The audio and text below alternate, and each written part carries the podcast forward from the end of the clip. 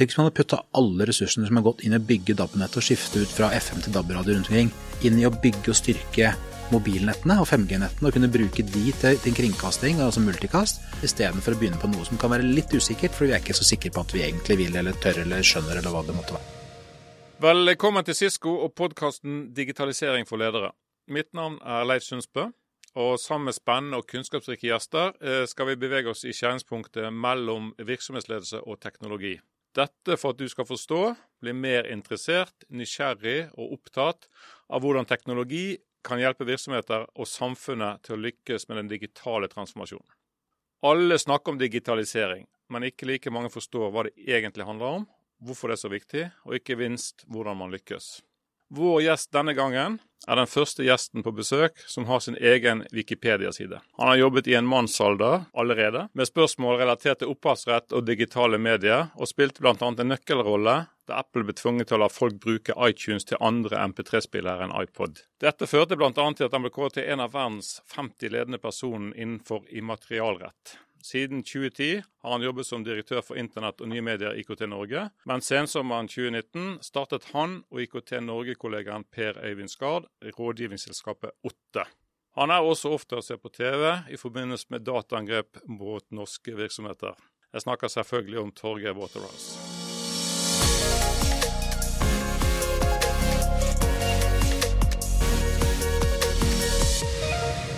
Velkommen til oss, Torgeir. Takk tenkte vi skulle starte der vi har startet med de tidligere gjestene våre eh, rundt digitalisering. Hva, hva, legger du i begrepet digitalisering, og hvorfor er det så viktig at ledere skal være klar over hva dette innebærer? Jeg kan si at I sin enkleste form så handler jo digitalisering om at vi bruker teknologi, sånn som vi egentlig alltid har gjort, til å gjøre prosessene våre, organisasjonen vår, hva vi enn skal oppnå, bedre, mer effektiv, for den del morsommere eller mer lønnsom. Og eh, vi bruker begrepet digitalisering, eh, hvis du ser bort fra all hypen og all markedsføringen, så bruker vi begrepet fordi det er et skifte til digital teknologi, i motsetning til f.eks. skifte fra mann med spade til okse med plog. Og eh, en av utfordringene i alt dette er jo selvfølgelig at det skiftet innebærer en ganske betydelig endring i hvordan vi bør og kan jobbe. Der hvor tidligere teknologiskifter, altså hvis du går fra et skrivemaskin med blekkbånd til kulehode, så er endringen minimal. I hvert fall for de aller fleste. Den som skal kjøpe inn blekket må tenke annerledes, men utover det så er det litt same same. Mens de, mange av de skiftene vi ser nå, eller burde, allerede burde ha gjennomført, de er ganske betydelige. Og det, det gjør det ekstra viktig at lederne er på. Så jeg pleier å si at uh, digitalisering er uh, kunnskaps- og organisasjonsutvikling. Eh, med teknologi fordi det er lurt. Men du sa ordet hype. Er det en hype, eller? Altså, en kjempehype. En kjempehype. Uh, og vi er jo der nå at uh, Nå har det kanskje lagt seg litt med digitalisering, nå må du si kunstig intelligens uh, osv. Og, så og, og det, det, er jo en av utfordringene at fordi altså kombinasjonen av at det er så uklart for mange hva det egentlig er, og uh, at det er så mye fokus på det, gjør at veldig mange ser etter begrepene, bruker begrepene, uten at det egentlig nødvendigvis er noe substans i det. Så det også for en leder å skyfle gjennom alt dette og se hvor er det virkelig viktig, hvor er det som berører meg, som jeg må ta beslutninger om og, og peke retning på, og hva er det jeg bare skal ignorere som den, den markedsføringen det er, det kan være vanskelig. Og det er jo sånn at uh, det er en grunn til at vi har en del ordtak, og et av de er jo at uh, i, de, i de blindes rike er den det konge. Uh, og det er litt av utfordringen i det feltet her. Og du nevnte sikkerhet, og jeg pleier å si til mange sikkerhetsfolks eh, enten glede eller store frustrasjon at, at sikkerhet er altfor viktig til å overlate til sikkerhetsfolkene. Og, og sånn er det med digitalisering òg. Vi må forstå hvorfor vi gjør det. Hva er det vi skal oppnå? Uh, superenkelt å bruke masse tid og ressurser på en ny dyr dings, eller hive kunstig intelligens på noe for å ha gjort det, uh, osv. Det kan til og med hende det er lurt å gjøre det, det kan til og med hende det er lurt å gjøre det selv om det bare i hermetegn er av markedsårsaker. Men vi må forstå hva vi driver med, og hvis vi forstår hva vi driver med og hva vi skal oppnå, så kan vi også forstå hvordan vi skal nærme oss digitalisering. Og Hva er ditt inntrykk da av forståelsen blant norske ledere på, på hva det egentlig betyr, eller hva, det, hva, det, hva som legges i det? Altså, I mine mest frustrerte øyeblikk så står jeg vel og skriker høyt ut i lufta 'come the fuck on', og så få hodet ut av, av lusekofta og skiløypa, og så skjønne at Birken ikke er viktig. Ta dette på alvor. Samtidig er det masse gode øyeblikk hvor det, hvor det, er god kompetanse, god forståelse og god vilje til å søke kompetanse der man ikke har det selv. Så det er jo, som i mange andre saker, hele spennet. Så du får se litt det du har lyst til å se etter. Men uh, ingen i Norge skal tro at dette kommer til å gå av seg selv, og ingen i Norge skal tro at, uh, at bare fordi vi har oljepenger, så er vi set for life. Her må det jobbes. Ja, du nevnte kompetanse, og det skal vi komme tilbake til litt senere. For det, det har flere også før deg nevnt. Men, men litt tilbake til eh, Du gikk ut av IKT Norge i fjor, startet for deg sjøl i Otte. Eh, hva gjør det i Otte som du ikke gjorde i IKT Norge? Det er et kjempespørsmål, så vi, regner med vi har et par timer til det. Så, nei, altså, eh, vi, vi, driver med rådgivning og, og, og, jobber med grenselandet teknologi og politikk. Samfunn og politikk og teknologi. Og Sånn sett så kan vi si at en del av det jeg gjør er ganske likt. Eh, samtidig så det, jobber vi tettere på beslutningstagere og ledere, og rundt det med å forstå hva betyr teknologien som er rundt oss nå, hva er konsekvensen av dette. Eh, hva betyr det for driften din og hvordan du er organisert og hvem som har ansvar for hva? At vi har et helt annet risikobilde rundt oss i dag enn vi hadde før. Så det, eh, ser, I noen sektorer så kaller man det kanskje management consulting. I andre sektorer så kaller man det bare rådgivning osv. Men det er rett og slett å jobbe med, med særlig ledere og andre typer beslutningstakere for å forstå konsekvenser av teknologien. Enten det er din egen bruk eller andres bruk og forstå hvilke muligheter som ligger der, og hvilke grep du bør gjøre for å være best mulig posisjonert. Så du er et sted det går an å søke kompetanse? Jeg vil jo generelt anbefale alle å komme og be om kompetanse her. Bra, det var dagens reklame. Eh, du er også en mann med mange meninger, og, og, og sjelden redd for å si hva du mener. Så, så, hvis vi ser litt større på dette her, eh, rundt internett, EU eh, e vil regulere, USA vil kommunalisere Kina vil overvåke, hvis du ser litt globalt på det. Hvem, hvem vil vinne denne? Ja, Et stort og deilig spørsmål, eh, og ikke minst eh, tema. Eh, jeg tror jeg tror for min del i hvert fall at det er, alt det der er helt åpent, og det er veldig avhengig av hva som mange faktorer framover. Men hvis du tar den litt sånn overordnede tilnærmingen som du har der, så kan, har vi jo sagt f.eks. mye i forbindelse med GDPR når det ble innført, at at uh, i Europa så regulerer vi bruken. Uh, I USA så sier de at uh, hva, mener du regulering? Vi, vi, vi, bare avtaler. Så bryr vi oss ikke om maktbalansen mellom de største selskapene i verden og enkeltforbrukeren. Og i Kina så sier vi at det er ikke lov å ikke bruke data. Uh, og, og, det er ganske, tre ganske forskjellige tilnærminger. Um, og vi skal ikke undervurdere i hvor stor grad det foregår en kamp nå uh, som handler både om verdiskapning og penger, som handler om politisk makt og, og andre former for makt, og som handler om uh, samtidig hvor mye kultur og tradisjon og perspektiv og filosofi etc. synes gjennom teknologibruken vår. Uh, og, og, før så har jo med, med tidligere, tidligere, teknologier, og, for den del tidligere bruk av internett, så har jo i liten grad, eller i hvert fall ikke så stor grad som nå, de forskjellene kommet til syne. Men med måten teknologien er vevd sammen på eh, rundt i hele verden nå, og hvis du åpner en virksomhetslaptop, så finner du de samme komponentene. Og åpner du en laptop fra Kina, så finner du komponenter fra USA eller Norge. Og åpner du en laptop fra USA, så finner du de samme komponentene. Så jeg er ikke så sikker på om vi vil klare å ende opp med å si at det er den eller den eller den som vinner. Eh, jeg håper at vi når det kommer til stykket kan si at menneskene vant. Eh, og at vi lykkes med å bruke teknologien og, og de forskjellige styrkene og svakhetene vi har, de, bl.a. de tre delene av verden, til å, å, å, skape enda mer muligheter. Jeg pleier å si at min store drøm er at vi etterpå kan konkludere med at internett pluss pluss viser seg å være opplysningstiden på speed. La oss håpe at, håpe at det stemmer. Men, men også det med, med regulering. altså er, er, det en hemsko for Norge og, og Europa i videre utvikling av, innenfor uh, digitalisering? Uh, ja, det kan være det. Men samtidig så kan det også være nøkkelen som skal til for å lykkes. Så det er jo som med all regulering at, uh, at reguleringen, hvis reguleringen er god Man kan godt sammenligne regulering med sikkerhet. Hvis den treffer bra, så ser du det ikke. Hvis det er gjort dårlig, så det, kommer det i veien. Og så er det selvfølgelig et spørsmål om hva du skal oppnå. Hvis du tenker eh, hemsko i form av at det, ikke, at det er en begrensning for enhver superkynisk anvendelse av dine og mine private data til verdiskapning, så er det en hemsko. Men da er det en hemsko vi antagelig vil ha. Eh, men hvis vi tenker som eh, vi får ikke til å verdiskape, får ikke til å utvikle, og vi ender opp med å komme i vei, altså ikke få til fremtidig næringsutvikling, så er det en hemsko vi ikke vil ha. Og, og der, ligger, der er jo noen interessante forskjeller mellom de tre delene av verden du drar opp, nettopp fordi at vi har veldig forskjellig perspektiv på hvem som eier hvilke data, på menneskelige verdier, personvern eh, og mer. Men jeg vil si generelt for Norges del så er jeg mer bekymra for manglende forståelse for hva regulering kan lede til, enn jeg er for selve reguleringen. For når det kommer til stykket, så er jo stort sett ganske fornuftige folk og, og faglig nysgjerrige og interesserte folk som sitter i det, både departementene og i Stortinget og i komiteene overalt og, og, jobber med regulering og jobber fram regulering. Og så kommer jo mye fra større miljø i Europa og også utenfor det. Og så er det jo også sånn i, i, i teknologisfæren som vi sitter her og opptatt av, at, at, veldig mye håndteres også via standardisering i internasjonale organer, og, og særlig for internett så har man jo mye multi-stakeholder approach til dette. Som man arver i Norge, så arver man jo løsningene som kommer fra IGF, blant annet.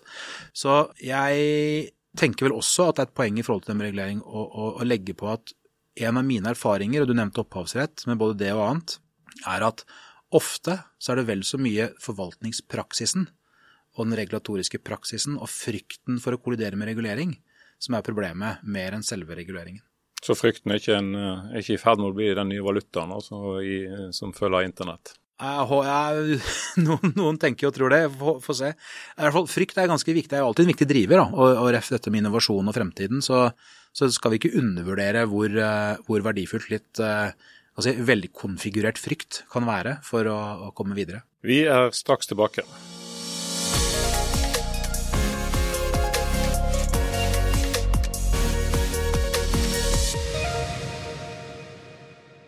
Vi har jo hatt vår egen sjef Trine Strømsnes, eh, tidligere, og også eh, Michael Jacobs, sjefen i Athea Norge. Og begge de to mener jo at vi har kommet langt innenfor digitalisering i Norge. Både offentlig og privat sektor. Samtidig så blir mesteparten av de dataene vi sitter på behandlet som gråstein, ikke som gull. Hvis vi skal ta rappe analogien til, til Nikolai Astrup, vår, vår, første digitaliseringsminister. Hva tenker du om det? Er vi digitalisert nok til å opprettholde konkurransekraften og, og velferdsmodellen i, i, Norge, i en stadig hva skal jeg si, mindre verden? Ja, Det enkle svaret på det er nei.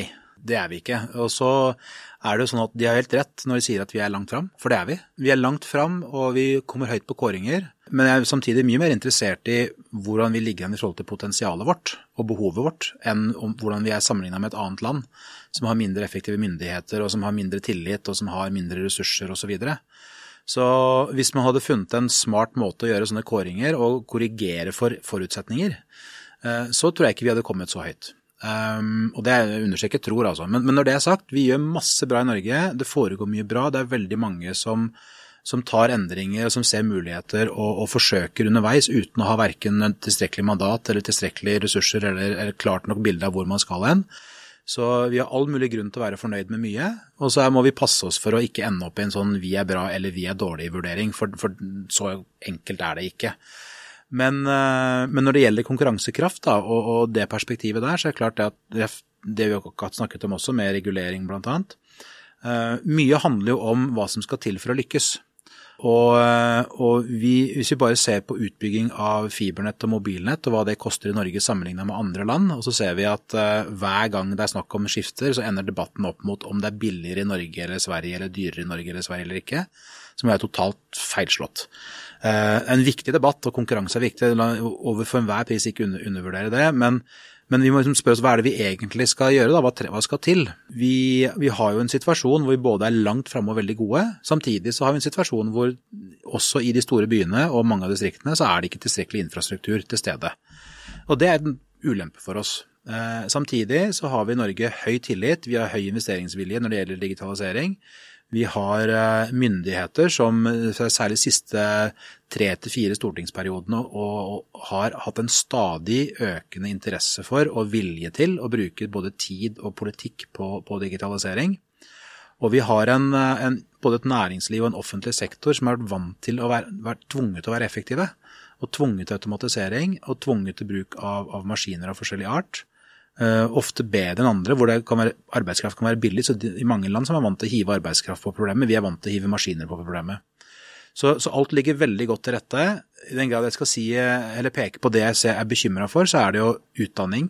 Altså mengden teknologi i utdanning, både spesielt og i andre utdanninger. Og nedover i skolesystemet. Uh, jeg er bekymra for vår evne til å ta sikkerhet nok på alvor. Og, og, da ikke i et vi blir angrepet av noen slemme cyberkrigere, men uh, vel så mye uh, som sikrer verdiene våre. Og så litt det samme som at vi har overrislingsanlegg i bygg, så trenger vi tilsvarende i IT-systemene våre. Og jeg, er, jeg bekymra for, uh, for, for, hva skal jeg si, de negative sidene av, av den norske evnen og viljen til å holde fast ved tradisjoner og hvordan vi pleier å gjøre ting.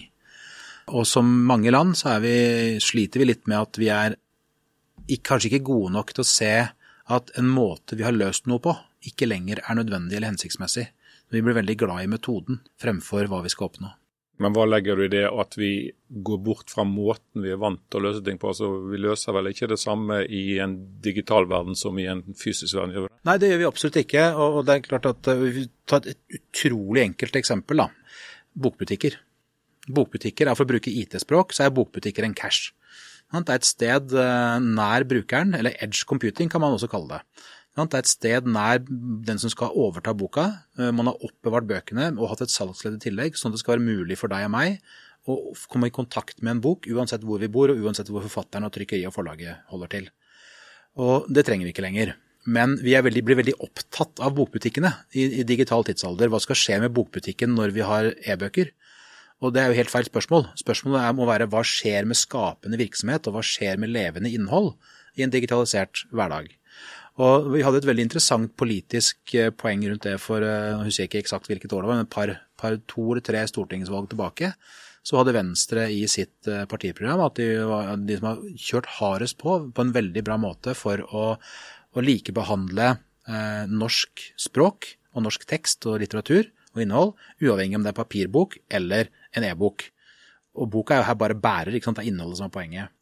Men de hadde også i samme stortingsprogram eh, og valgkampprogram at man måtte finne ordninger for å opprettholde de lokale bokbutikkene, for de var så viktige. Ja, så Den dualiteten der er vanskelig. Det er lett å være for å gjøre noe digitalt, og så er det vanskelig å være med på å forsvare det som kan oppleves som negative konsekvenser av skiftet fra fysisk og analogt til digitalt. Det kan vi være enige om. Og Så ble det også lagt frem en, en, en, en stortingsmelding her nå like etter påskevalg rundt eh, datadrevet økonomi for å følge opp det du sier der. Og der, jo, der ligger det jo et fantastisk potensial. Det var vel 300 milliarder som ble nevnt der som et tall. Eh, med data som på en måte hovedråstoff. Og Det er jo, det er jo spennende. Det er jo større enn en, uh, olje- og gassnæringen. Hva, hva, må til for å få ut dette potensialet? da? Du nevnte uh, i, i, mangel på kunnskap og kompetanse. Nei, Jeg tror det er mye. og så tror jeg nok også først og fremst at sånne tall har en tendens til å være viktige for å få tatt beslutninger. Nei, jeg tror, jeg tror, altså, når du sa tallene, så minte det meg om en deilig scene i Tequila Sunrise, som er en film fra 80-90-tallet om noen smuglere. Og da sitter han ene smugleren og ser på TV i båten sin, en selvfølgelig sånn lang sigarbåt. Uh, og så er det et nyhetsinnslag hvor det blir sagt noe om gateverdien av et beslag. Og så utvikler han vis meg den gata, jeg vil være på den gata og selge. Vi kan få de verdiene. Og, og jeg tror vi må ha litt en sånn tilnærming til de tallene her også. Uh, og, jeg, men jeg er mye mer opptatt av at det har en enorm verdi. Om det er 300, om det er 200 eller for den del 500 eller 700, det er ikke det viktigste. Det viktigste er at det er en enorm verdi. Og det er enorme verdier også utover pengeverdiene. Som bl.a. handler om forenkling av folks hverdag, muligheter man ikke hadde over hele landet før, som man kan få nå, bedre kunnskapsgrunnlag i beslutninger osv. Så videre. sånn for meg så er det veldig enkelt, for vi har ikke råd til å la være. Og i mange sammenhenger så handler det jo om eh, litt av det vi har snakket om, altså viljen til endring. Viljen til kulturutvikling, viljen, viljen til å legge bak seg tradisjoner og gå videre med nye modeller eller hva det måtte være.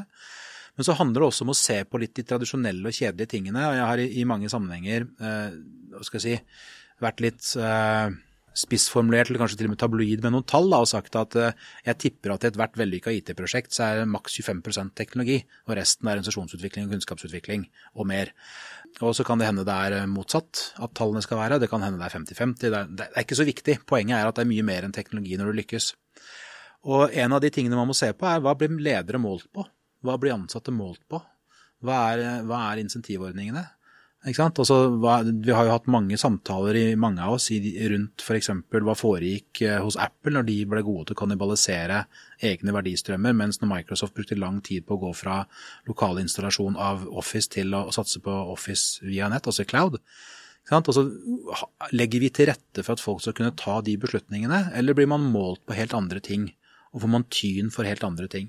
Og, og hva gjør vi når, vi når noen prøver å kompensere for at vi skifter fra modell A til modell B? fordi vi tror på modell B fremover, og så kommer noen og starter opp en ny leveranse av modell A som gjør at vi ikke lykkes med B. Og er, Man kan ha mange meninger om DAB-nettet for radio f.eks., men det er et veldig godt eksempel på hvor man prøver å tvinge teknologi til å fungere i utgående teknologis form og plass, eh, og så får man ikke helt til det man skal gjøre fremover. Hadde man brukt, Tenk hvis man hadde putta alle ressursene som har gått inn i å bygge DAB-nettet og skifte ut fra FM til DAB-radio rundt omkring, inn i å bygge og styrke mobilnettene og 5G-nettene og kunne bruke de til, til kringkasting, altså multikast, over hele landet istedenfor. Helt vanvittige ressurser som går til å fortsette med noe vi syns vi kjenner igjen, istedenfor å begynne på noe som kan være litt usikkert, for vi er ikke så sikre på at vi egentlig vil eller tør eller skjønner eller hva det måtte være. Nei, og så har vi vel eh, i bakspeilet også sett at det ikke har blitt noen suksess. Ja, det også. Vi er veldig gode på å peke på når man ikke lykkes med noe nytt. Og så er vi veldig, veldig lite flinke til å se men hvorfor ble det sånn. Ikke sant? Det er, eh, og det er en del av pakka. Og, og, og hvis du ser på DAB-nettet også, så er jeg Det er jo ikke noe hemmelighet at jeg syns det var en relativt tåpelig beslutning.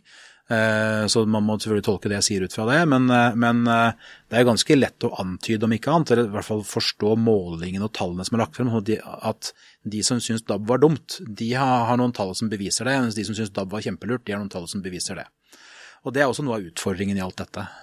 Hva er det vi faktisk måler og lærer av? Og Går du inn og ser på NASE-kodene f.eks., som brukes til å kategorisere næringsvirksomhet, så er jo de relativt gamle og passer ikke helt til, eh, til dagens næringsliv.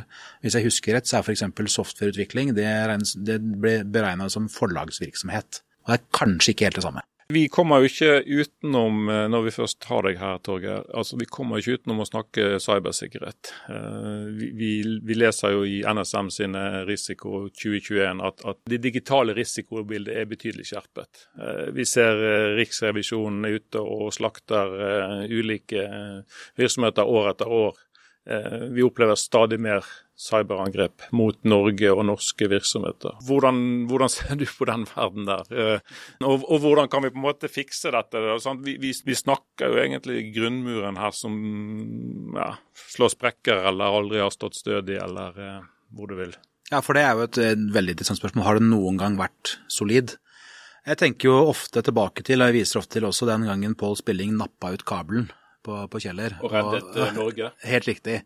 Da var det den ene store kabelen han kunne dra ut, og det var det. Og vi er jo et stykke unna det i dag. Det er litt mer komplekst. Jeg tenker jo for det første at det er en del av virkeligheten. Og vi har, vi har lært oss å leve med ganske skremmende virkeligheter før også. Så det er noe av dette, at vi, vi må faktisk tilvenne vårt, eh, vår risikoforståelse til andre typer risikoer. Det har alltid vært mulig å forgifte drikkevannet, men vi drikker vann for det, og vi er ikke redde for å dø av drikkevannsforgiftning hver dag likevel. Eh, men vi gjør grep for å redusere sannsynlighet og risiko og, vi, så videre. Så, det er, det er, jo det vi må gjøre her òg. Vi må jobbe systematisk, vi må jobbe med alle de små skrittene, alle de små elementene som til sammen gjør en forskjell, og så må vi jobbe systematisk og langsiktig. Og, eh, og vi, vi, må så enkelt som å, hvis man husker tilbake til de første bilalarmene, det eneste de gjorde to ting. Det var å lage bråk og være i veien for, for bileierne. ikke sant? Og Bileierne hadde masse hassle med av og på og sånne ting hele tiden. Men, men med tanke på å unngå tyveri eller innbrudd, så var det mest effektive med det var jo da at du, du fikk noen til å gå til en annen bil. Og i det øyeblikket alle har de samme bilalarmene, så har, så, så har den ikke nødvendigvis så mye effekt lenger. Og det handler jo om å gjøre, påvirke den som skal gjøre noe galt mot oss, til å ønske å gå et annet sted istedenfor. Og så gjøre det dyrere eller gjøre det vanskeligere eller hva det måtte være. Så det er jo en del av dette. Og så er det jo å få, man må få sikkerhetsbevissthet inn i alle beslutninger og alle roller og hva det måtte være. Og vi, eh, og vi, må, få, eh, vi må få en forståelse for både det risikobildet som er der ute, men også hvor tidlig fase vi er i å beskytte oss. Og når man tenker på f.eks. Riksrevisjonens rapporter da, og kritikk av ja, bl.a. politiet og flere, så kan man også spørre seg, eh, ja, i tillegg til, til det som Riksrevisjonen påpeker, at, at, det ikke er godt nok, det som foregår, eller noe av det som foregår, det er ikke sånn at alt ikke er godt nok, eh, hvilket reelle handlingsrom hadde de? Har de egentlig hermetegn lov til å gjøre ting annerledes? Får man lov til å flytte eh, Se bare på alt bråket rundt politireformen, den såkalte nærpolitireformen, altså uten å gå inn i om det er om det, er, det man gjør nå er bra eller dårlig, da, men når du gjør den type endringer, hvis du flytter masse ressurser i politiet til beskyttelse av seg selv, eller politiet trenger hvem vet hvor mange millioner ekstra i året for å gjøre dette godt nok, er det, er det handlingsrom for det, når man samtidig er mer opptatt av å telle åpne butikklokaler, rundt i hele landet, eller det, altså, er, vi, er vi der at vi faktisk flytter ressursene fra der vi hadde de, til der vi trenger de? Og en stor utfordring også med eh, enten vi kaller det IT-sikkerhet eller cybersikkerhet eller crime eller warfare, hva, hvor, hvilke spor vi er på, det er jo også at det er jo ikke sånn at som jeg akkurat sa, flytte, det er jo ikke sånn at de fysiske risikoene er borte selv om vi har fått de digitale i tillegg. Så en av utfordringene er jo at vi har fått mye mer vi skal beskytte oss mot på mange flere områder med mye høyere kompleksitet. Og Det betyr også at eh, veldig mange av de som har hatt budsjetter, hatt ressurser, enten det er mennesker og penger, hva det måtte være, de trenger mer. Og så er samtidig en av utfordringene med sikkerhet er jo at det syns jo ikke når det virker. At hvis du tenker at du sitter i en ledergruppe og diskuterer budsjetter, og så sier, eh, sier sånn at jeg trenger forresten en, en budsjettøkning på 25% for å holde oss på det nivået vi er. Og så sitter de og tenker ok, så du vil ha 25% mer av pengene våre for å fortsette å drive noe ikke vi ser, og vi skjønner ikke hvorfor du trenger det, og du bare sier 'stol på meg'. Så, det er en ganske vanskelig situasjon, og, for min del så er det sånn at det å lykkes med sikkerhet fremover, det handler mye mer om å få gjort de beslutningene riktig, og skape forståelse for behovet og være villig til å prioritere det, mer enn det handler om om det er teknisk sett lett eller vanskelig eller ikke. Og, og, det handler også om, som jeg så ofte ender opp med å snakke om, at eh, det handler om møtet mellom menneske og teknologi. Og som Kurt Vonnegut skrev i The Piano Player i 52 eller noe sånt If it, uh, if it weren't for the, the, people, the goddamn people, the world would be an engineer's paradise. Du, så du mener at vi er for dårlige til å selge inn behovet for sikkerhet da, eller? Altså, for ja, det, det jo... vi bruker andre ord, da. Skape forståelse for. Ikke ja, sant? Altså, ja. det, og det er kanskje litt av utfordringen i Norge. I Norge så har vi veld, det er veldig mange i Norge som har et vondt forhold til at noe skal selges. Man vil at det bare skal være der, og, skal, og, så fort du snakker om å selge, så kommer det ja, men skal du tjene penger på det? Og så ja, man skal det. Men nå tenkte jeg også mer internt. Altså, ja. Hvis du ser, hvis du ser um, kostnadene ved sikkerhets, en sikkerhetshendelse vil jo, altså Det er jo det du må selge inn, og det er jo en for, type form for forsikring. da, sant? Altså Hvis jeg kommer til deg og sier at du må tegne forsikring, så i tilfelle huset ditt brenner ned, så tenker jeg men det skjer jo ikke. Altså, Eller den forsikringen er altfor dyr, så jeg er villig til å ta den risikoen. da, altså Vi gjør jo ikke det. Altså Jeg har empiri på at jeg ikke trenger forsikring på huset. Det er veldig enkelt. Det har ikke brent. Hvorfor i all verden skulle det brenne nå? Det var dårlig butikk for deg, med andre ord. Ja, ja, bare tap. Helt håpløst. Bare tull. Så, så, jeg vil egentlig heve det kjøpet. Jeg bare betaler for det året jeg trenger det. Eh, men, eh, men, men, det som er en del av det bildet, er jo også at utfordringen er jo altså Hvis, hvis du holder fast ved brannen, Vi kan se brannen.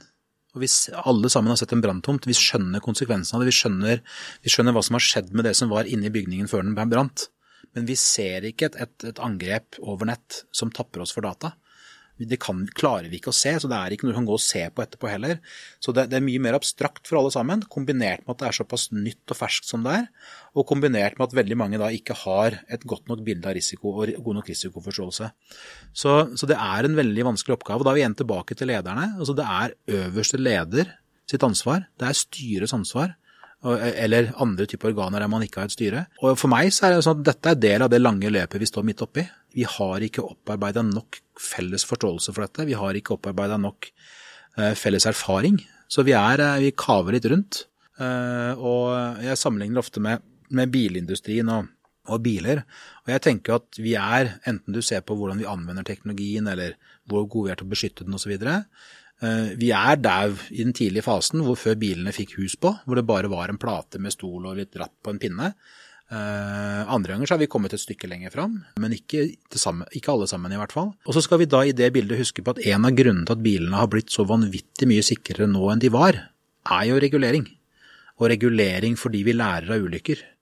Og da blir jo spørsmålet hva lærer vi i dag av de problemene som oppstår? Hva er det vi lærer eller ikke lærer, og hva er det vi vinner eller, eller taper på at mange er så redde for å fortelle om angrepene de er utsatt for? Altså har, eh, så, så, det å stimulere til å dele mer informasjon og kunnskap og erfaringer og få det opp og fram, og helt enkelt også passe på at vi er gode nok til å kommunisere, så det ikke høres ut som vi mener at ledere som ikke forstår dette, er idioter. For det er de jo ikke. Men det er et felt som er nytt og viktig som de ikke har tilstrekkelig innsikt i. Og, og vi har jo blitt mye flinkere til å dele, da mm. de siste i hvert fall et par årene. Når du snakker om brann og branntomt, så kan det vel hende at eh, det er noen på Østre Toten også som syns at ting ser ut som en branntomt mm. akkurat nå. Ja, og, og, det er klart at uh, man kan jo Nå vet ikke jeg nok om Østre Toten kommune, men hvis man går innover, eller litt bakover i historien der, så er det ikke utenkelig at det har vært en og annen ansvarlig for områdene som har bedt om mer ressurser og ikke fått det. Og man kan tenke nå at tenk om de hadde fått det. Jeg er ikke sikkert de hadde løst noen ting, for det kan hende de hadde brukt ressursene helt feil i forhold til det angrepet de ble utsatt for nå. Men, men, uh, men nettopp det å se verdien av det angrepet konsekvensene av det tapet og det angrepet de er utsatt for, målt opp mot hva ville det kosta å beskytte seg. Jeg hadde en samtale her om dagen hvor jeg snakket om, eh, om sikkerhet og kontroll på data i en elektrobedrift, altså elektroinstallatørbedrift. Og snakket om er, hvor vanskelig det kan være å, å, få brukt ressurser, enten lederressurser eller uh, midler til anskaffelser eller annet, for å sikre IT-systemene altså IT man har og driften der, målt opp mot hvor lett det er å skape forståelse for at du trenger forsikring på bilen elektrikeren kjører rundt med. Du, hvis den bilen krasjer uten forsikring, så er den bilen tapt. Mens uh, hvis IT-systemene går ned fordi de ikke er beskytta, så er IT-systemene tapt, og da potensielt hele virksomheten tapt. PwC har gjort en undersøkelse som, som sier at uh, daglige ledere rundt omkring de ser på cybersikkerhet som den største trusselen. Mens hvis du går til styrerommet, så er det kun 53% av styremedlemmene som anser cyberangrep som, som, en trussel mot virksomhetens fremtidige vekst. Ja, og, jeg, og da tenker jeg også Det er veldig interessant å vite hva legger de i cybersikkerhet og cyberrisiko, og hva, legger, og hva er konteksten de har svart på. For klart at hvis du, hvis du, skjønner at du svarer på en undersøkelse hvor du ender opp med å tenke at du svarer på om du syns det er et, tror det er et problem eller ikke, så er det klart at det, da, da er, det skal mye til å ikke synes det er et problem. Men la oss nå si at de tallene er representative for Norge, at jeg gir et godt bilde, så er jo det egentlig fantastisk bra. For det betyr at 93% av lederne skjønner at dette her må vi putte mye ressurser i. Og så er jo spørsmålet hvor mye ressurser er de villige til å putte i det, og ikke minst når de må flytte de ressursene fra et annet sted. Fra noe man er vant til å drive med, og gjerne et sted hvor, hvor den som har jobben har et navn og er et menneske som man kjenner og som har familie og osv. Så, så vi er, eh, hvis man må flytte ressurser, da, vil jeg merke. Så, så, da er vi tilbake dit. Ok, vi anerkjenner at det er et problem. Eh, styret anerkjenner at det er en, et problem, om ikke i forhold til virksomhetens drift i dag, men fremtidig vekst. Men hva så? Hva gjør vi da? Er man villig til å gjøre noe med det eller ikke, og hvordan håndterer vi f.eks. de kompliserte grensedragningene mellom sikkerhet og personvern? Og en av eh, utfordringene, sånn som jeg ser det, er at vi i Norge har vi for mye ensidig fokus på sen i CIA, altså confidentiality, og altfor lite fokus på integrity og availability. Og det er en utfordring for ledere og for styrerom. Og, og, en av de sånne tingene jeg nevnte i stad, det med å stå i frustrasjon og skrike ut i lufta, gjerne stå på taket og skrike, ikke sant, og prøve å, påvirke månen, f.eks. Uh, slipp meg inn i styrerommet. Jeg vil inn i styrerommet og skrike. Uh, og jeg syns alle norske styrer de bør ha minst ett styremøte i året, i hvert fall til, inntil de har hatt det et par ganger, som bare handler om dette. Fordi alt det andre de er borti, det kan de masse om. Dette kan de, med noen hederlige unntak selvfølgelig, ikke noe om. Men, men, du som er så profilert som du er, og, og kommer, du kommer ikke inn i styrerommet? Eller de vil ikke snakke med deg? Nei, de gjør jo det også, men, men jeg tenker nå altså, Utfordringen, da, det er jo sånn uh, la, la, oss si at dette var en sånn samtale. La, nå er vi i et styrerom. Du er i et veldig lite styre, vel å merke. Uh, jeg er på besøk, så da er du hele styret. Og så er det det å, å, å, snakke om det og skape forståelse for det, og så er det å skape forståelse for det i din kontekst, det som er relevant for deg. Og, og, jeg sa i sted at sikkerhet er for viktig til å overlate til sikkerhetsfolk. Og en av utfordringene med veldig mye diskusjon rundt sikkerhet er jo at man får inntrykk av at alt er superfarlig, det er umulig å beskytte seg mot, og alt er like viktig å beskytte. Så bare det i en dialog med et styre begynner å bryte ned, så ok, greit, hva er kjernen i virksomheten? Hva er det vi ikke har råd til å tape? Hvilke data kan vi leve med å være dårlig, at det er beskytta dårligere inntil vi kommer så langt, osv. Men jeg vil si, si generelt, da, altså tilbake til spørsmålet om å slippe inn i styrerommene. Eh, generelt så er det nok for få som meg som er innom styrerom. Og hvis jeg hadde vært en styreleder der ute, eller for den del styremedlem eller eier eller hva det måtte være, eh, så hadde jeg tenkt ok, dette må vi begynne å gjøre noe med. Vi har jo en, hatt en fase i Norge som jeg har sammenlignet med noen ganger, som jeg tenker er relevant, og det er når vi begynte med HMS. Det var ingen som trodde man kunne være der vi er i dag når det gjelder HMS, den dagen vi starta med det. Og den dagen vi starta med det og ingen skal dø på arbeidsplassen osv., så, videre, så virka det ganske utopisk i en del sektorer. Men vi har kommet vanvittig langt, og det er jo fordi vi har jobba systematisk over tid og turt å starte med 'dette kan jeg ingenting om'. Her må det komme noen som kan noe om det. Men Tror du også den siste perioden og med den pandemien vi har vært gjennom, hadde endret eh, på en måte forståelsen av eh, digitalisering og sikkerhet. Altså, vi, har jo, vi har jo akselerert den digitaliseringen nå med det vi vanligvis ville brukt mange år på, har vi brukt under et år på nå. Hevder i hvert fall mange, da. Ja, jeg er forstått en av de. og så pleier jeg gjerne å følge opp med at altså, jeg er veldig spent på å se om det er en varig endring eller det var en koronaendring. Uh, men uh, jeg, tror, jeg, tror, en av de, de varige endringene er at det har skapt en stor forståelse. Uh, om den er stor nok er en annen diskusjon, men det har skapt en stor forståelse hos veldig mange ledere og, og beslutningstakere av forskjellig art om at dette er viktig og at vi kan få til mye digitalt vi ikke kunne få til. Jeg tror også det har skapt en stor og varig forståelse hos veldig mange i uansett rolle over at man kan jobbe fra hvor som helst. Eh, og så er det mye med det som ikke er optimalt. og Så vi må hele tiden finne, jobbe med å finne de rette måtene å gjøre det på, rette balansegangene mellom å være samla i et lokale, sånn som i bygget deres eh, her på Lysaker, eller om, eh, eller om man skal være desentralisert eller hjemme, eller hvor det måtte være. Men, men jeg tror om hvis vi skiller mellom kall det og metodekompetanse og forståelse for hva som er mulig og hvor verdifullt det kan være, så er det i hvert fall på den siste delen her, altså hvor verdifullt det er og hva vi kan få til, det har vi fått skapt mye forståelse for. Og så må vi ta det med oss over i etterpå-situasjonen.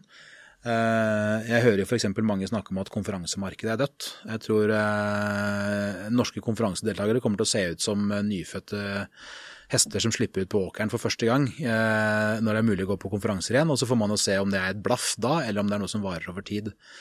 Men, eh, men det er klart at hvis man som leder eller styre eller fagansvarlig eller hva man er, ikke klarer å bruke det momentet vi har nå til noe, da er man ganske sløv i, i åpningsfasen av landet igjen.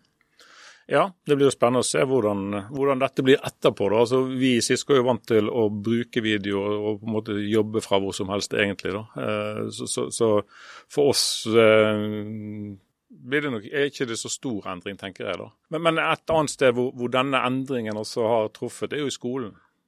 Uh, hvor elevene blir henvist til hjemmeskole. Uh, lærerne må undervise på via, via video uh, uten at det er nødvendigvis noen andre i andre enden eller kameraet på. Eller, altså, hvordan vil dette påvirke videre skole? og Vil det, vil det være varig endring i skolen, eller er, det, er vi tilbake igjen til gamle, utdaterte bøker og kateter igjen? Nei, jeg tror det, det, vil jo selvfølgelig ikke være en enten-eller-situasjon, og det, det vil være endring uansett. Og så tror jeg at en av de læringene som er gjort nå, er at uh, veldig mange har blitt oppmerksom på hvor mye positiv motivasjon og positiv kraft det ligger i at elevene er samla på samme sted og har hverandre rundt seg sosialt og faglig og kan se hverandre og høre hverandre. Og det at så mange ikke vil ha på kamera, det sier også noe om hva vi har å jobbe med for å lykkes med å jobbe digitalt og samhandle digitalt. Eh, jeg ville tro at andelen norske lærere som er vant til å undervise på video, var ca. null i mars i fjor, og den er betraktelig høyere nå. Uh, og det å ha respekt for og forståelse for den reisen som de har gått, og det de har vært gjennom, er veldig viktig. Samtidig så skal vi ikke underkjenne på noe som helst vis at nettopp fordi at det var så nytt for mange, uansett hvor mye fantastisk innsats det har vært fra mange, uh, så skal vi ikke underkjenne hva det gjør med kvaliteten og, og evnen til å lykkes godt. Og det har jo ikke noe med å gjøre om man har tillit til eller ikke har tillit til norske lærere. Det har helt enkelt å gjøre med at når så mange skal jobbe så annerledes så plutselig, så blir det selvfølgelig ikke samme nivå på det som når man gjør noe man har mange års erfaring med å gjøre bra. Og da er vi igjen tilbake til et av de viktigste spørsmålene, egentlig. Har vi nok ressurser i skolen til å håndtere sånne endringer og følge de opp og evaluere de og kontinuerlig forbedre seg? Eller er skolen en rein driftsorganisasjon som kun har ressurser til å gjøre det de er vant til å gjøre? Jeg tror dessverre det siste. Og hva kan vi gjøre med det? Ja, Da er vi tilbake til, eh, til den store politikken, blant annet. Eh, og tilbake også til at i Norge så har vi en ganske kompleks organisering, hvor det er kommunene som eier grunnskolene. Eh, og har et stort handlingsrom til å organisere sånn som de ser best. Jeg tror at vi, som så mange andre områder i offentlig sektor, så må vi, og privat sektor, så må vi anerkjenne at når driften vår blir såpass annerledes fra det den var før, så er det andre type kompetanse vi trenger, andre type samarbeidspartnere vi trenger. Ikke nødvendigvis istedenfor, men enten i tillegg til eller istedenfor. Eller begge deler.